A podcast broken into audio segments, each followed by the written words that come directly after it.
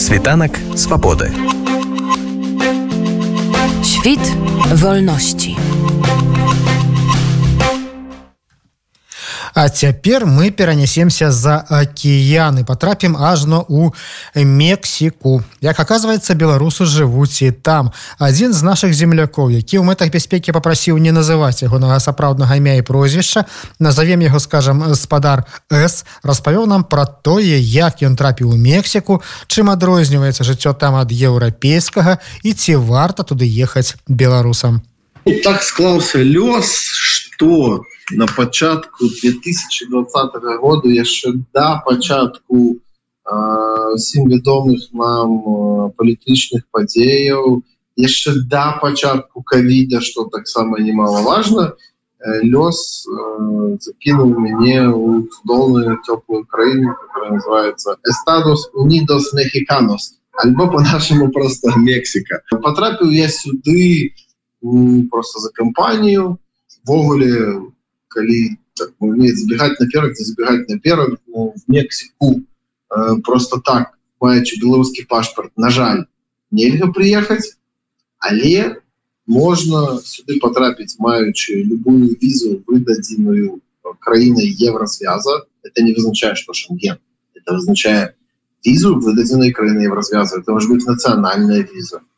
Это может быть гуманитарная виза ну, национальная самое это может быть шенгенская виза хоть польская хоть литовская хоть испанская хоть французская. Этого достаткова как потрапить мексик таксама ну, может забегаю наперед але такие в мексице правілы что коли ты маешь часовый вид на жыхарство в украине я в развязывал с таким документом тебе в мексику не пустят. С визой пустят.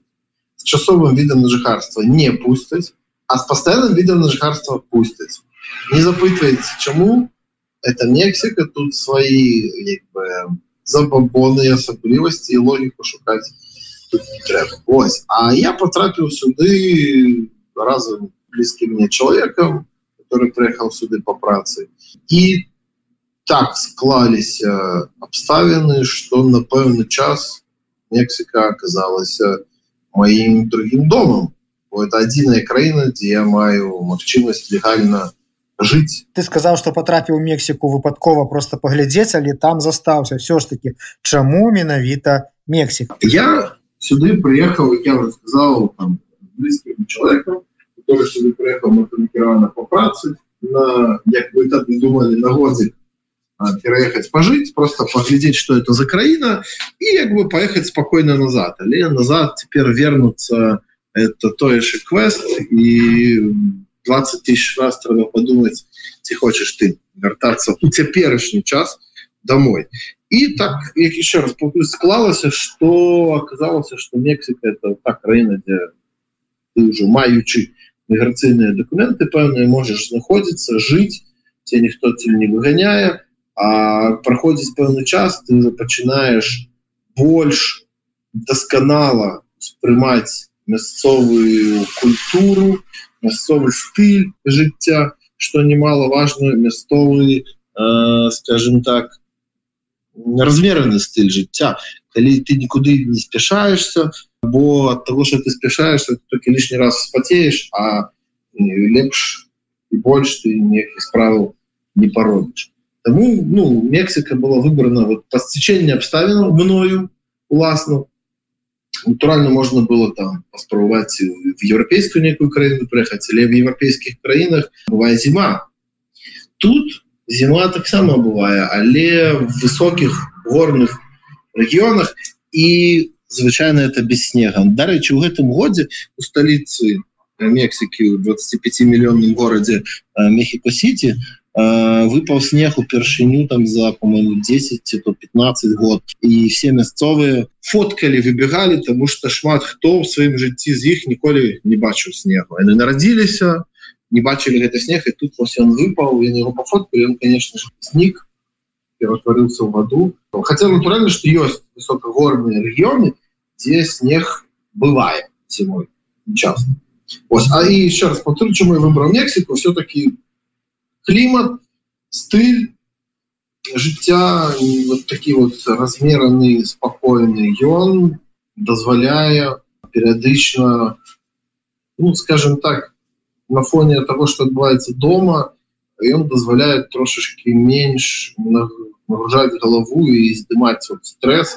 Тем что ты меньше стрессуешь того что все вокол отбывается повольно спокойно калі удакладніць вось наколькі беларусу зручна жыць у месяцы ты ўжо сказаў про той клімат калі няма зімы. Шчыра кажучы у нас у Еўропе сёлета таксама снег это такая даволі дзіўная рэч яна рэдка з'яўляецца.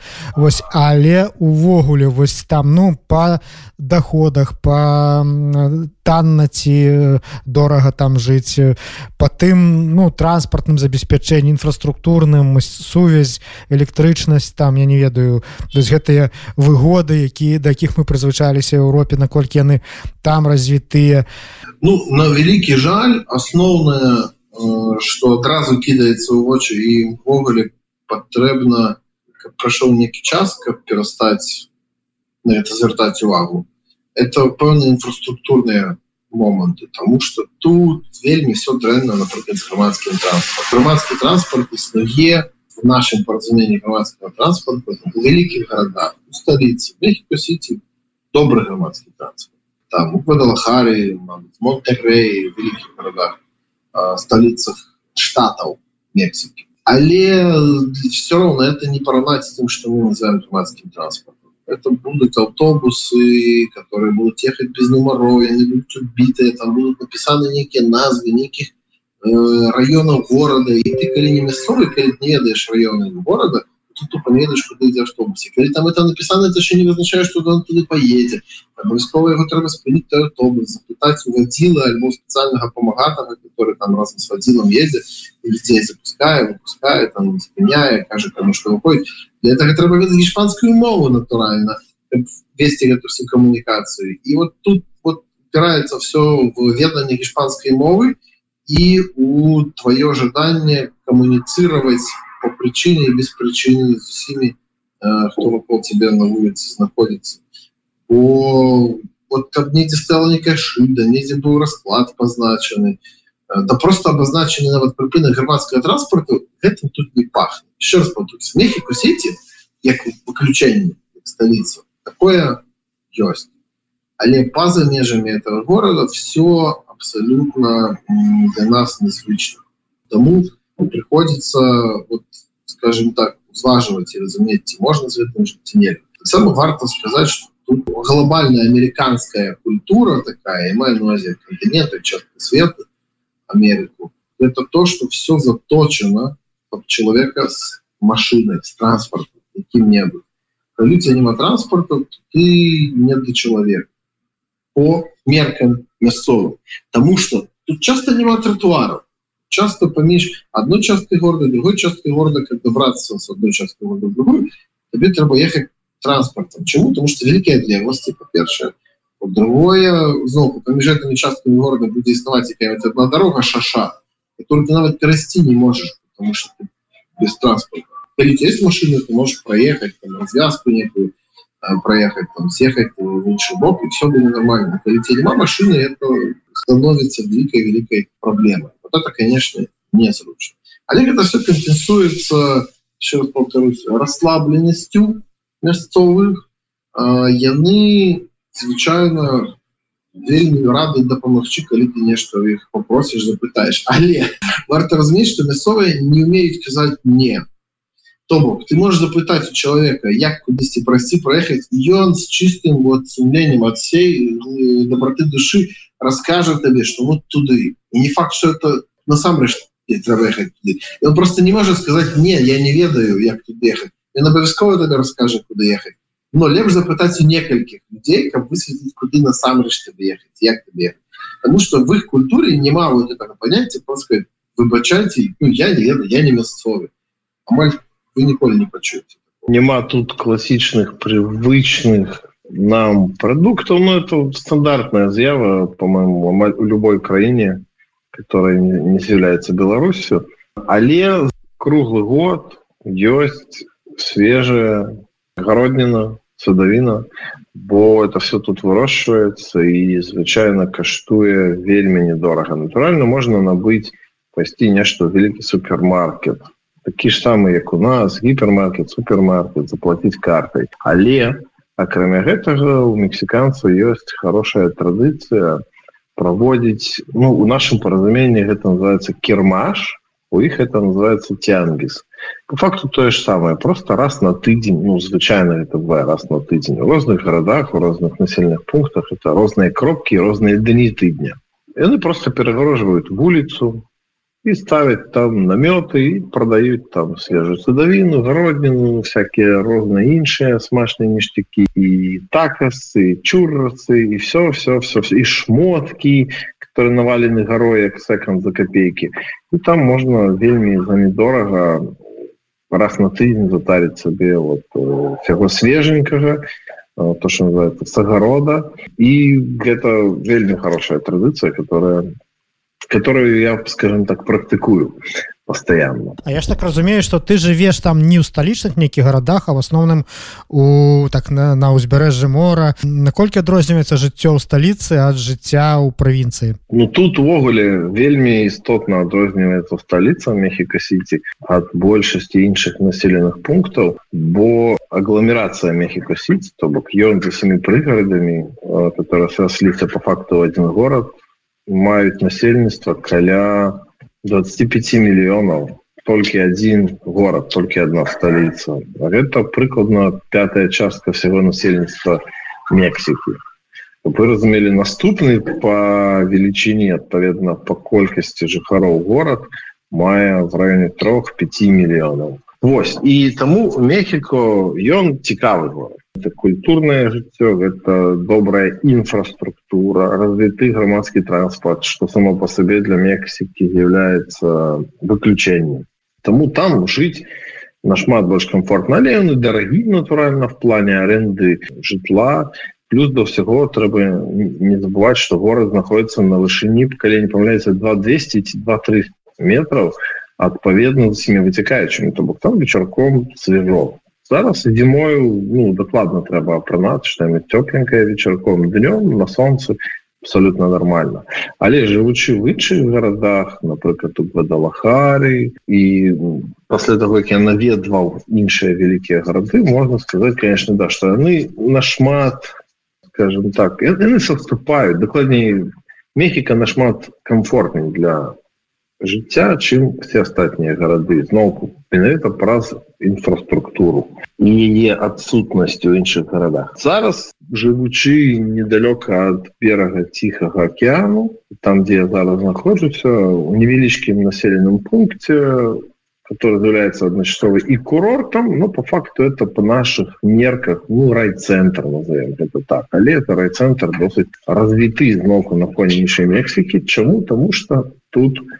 ёсць турызм потому что тут вельмі шмат людзей прыязджаю і мексіканцаў і замежнікаў першую чаргу это турысты з Канады з ЗША яны тут процент 80 не падаецца то 90 складаюць замежнікаў которые сюды прыязджаюць і тут за кошт того что яны прыязджаюць ім ствараюцца умовы. Для іх ствараецца комфорт. Супрацоўнікі і у сферы обслугоўвання ведаюць англійскую мову что бывае в мексице самая вялікая рэдкасць тут есть меню по-англійску але праз то что стараюцца для іх такія умовы тут адпаведна под іх э, стараюцца і адпаведныя прайсы кошты.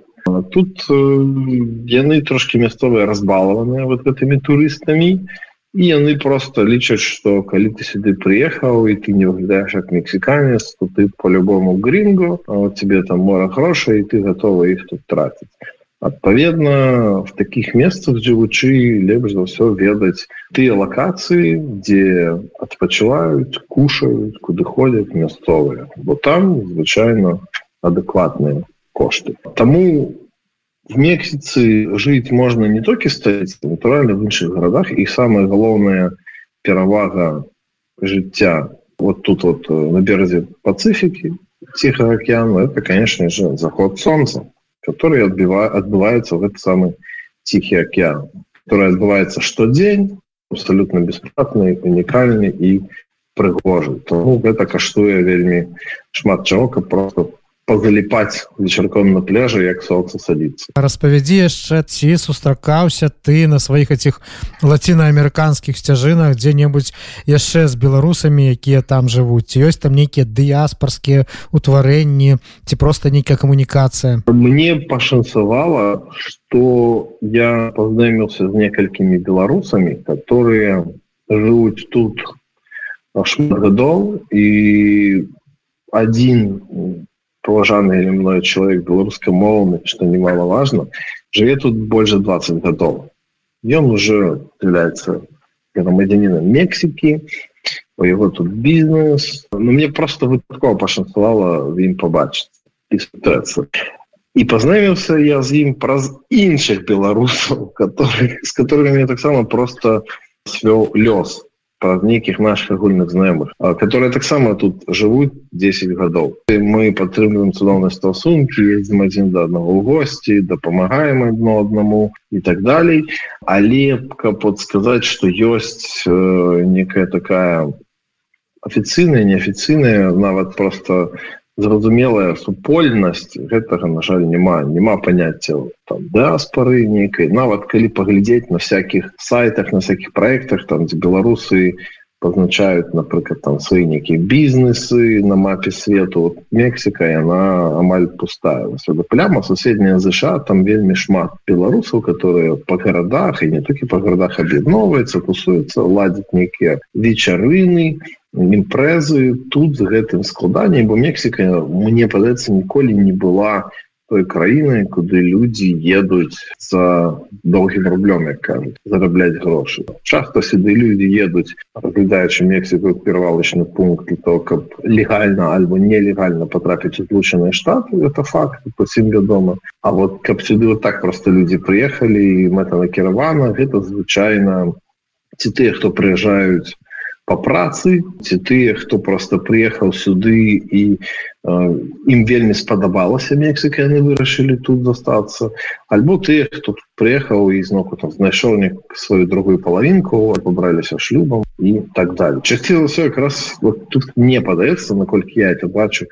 Сюды приезжаюць ну, вот, в плане э, шлюбу дзеўчыны которые тут уже выходят замуж за мексіканцаў і пускаюць корни. Ну плюс до всего в месяце калі нараджаецца дзіцёнак ён атрымлівае грамадзянство по нараджэнні ягоныя бацькі атрымліваюць сталые виды на жыхарства і літаральна праз два-три гады маюць права падаць документы на атрыманне мексіканскага грамадзянства і гэта не вымагае адмаўляцца ад свайго папярэдняга грамадзянства что таксама немаловажно вот там беларусі тут ёсць але скажем так кожны з іх это это унікальны чалавек і кожнага з іх трэба днём с огнём шукаць але вот каб вот конкретно их всех недзе сабраць каб яны ведалі адзін аднаго такога на жаль няма Але ці параю бы ты беларусам якія зараз раскіданыя ва многіх краінах свету за, за той сітуацыі якая у нас на радзіме робіцца ехаць вось менавіта ў мексіку. Натуральна камусьці тут будзе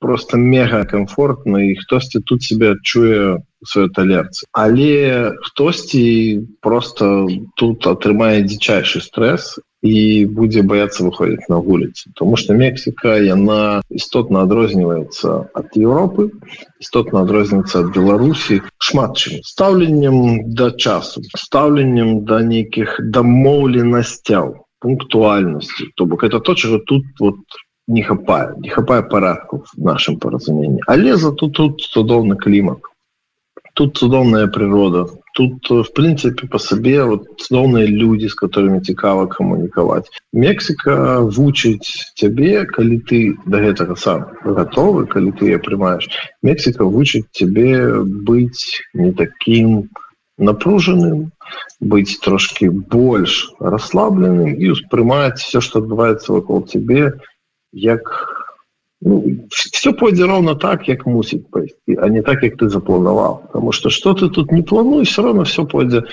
не по плане калі вы згодны з гэтым жыць існаваць і вам так комфортно Мексика гэта вельмі не кепскі вариант і яшчэ трэба разумець что ходзькі не ходзькі в Мексіцы давядзецца вывучыць іспанскую мову бо без яе просто жыць камунікаваць людьми першую ну, немагчыма а тут без камунікацыі не. Тут все пабудавана на камунікацыі на про то каб запытаць ты прыйдзеш на краму там будуць напісаны кошты на нешта а во всех астатніх месцах вот на вуліцы стритфуд вот в любые месцы там дзень написано кошты. Там абавязкова трэба подойти до продавца запытаць як справы павітацца наколькі что каштуе рассказать что адкуль дзе як. Ну так то так яны жывуць так у іх прынята Таму без ведання іспанскай тут будзе спачатку складана а пасля яно конечно же все разруліцца бо ну, хоцькі не хоцькі іспанскую вывучыць можна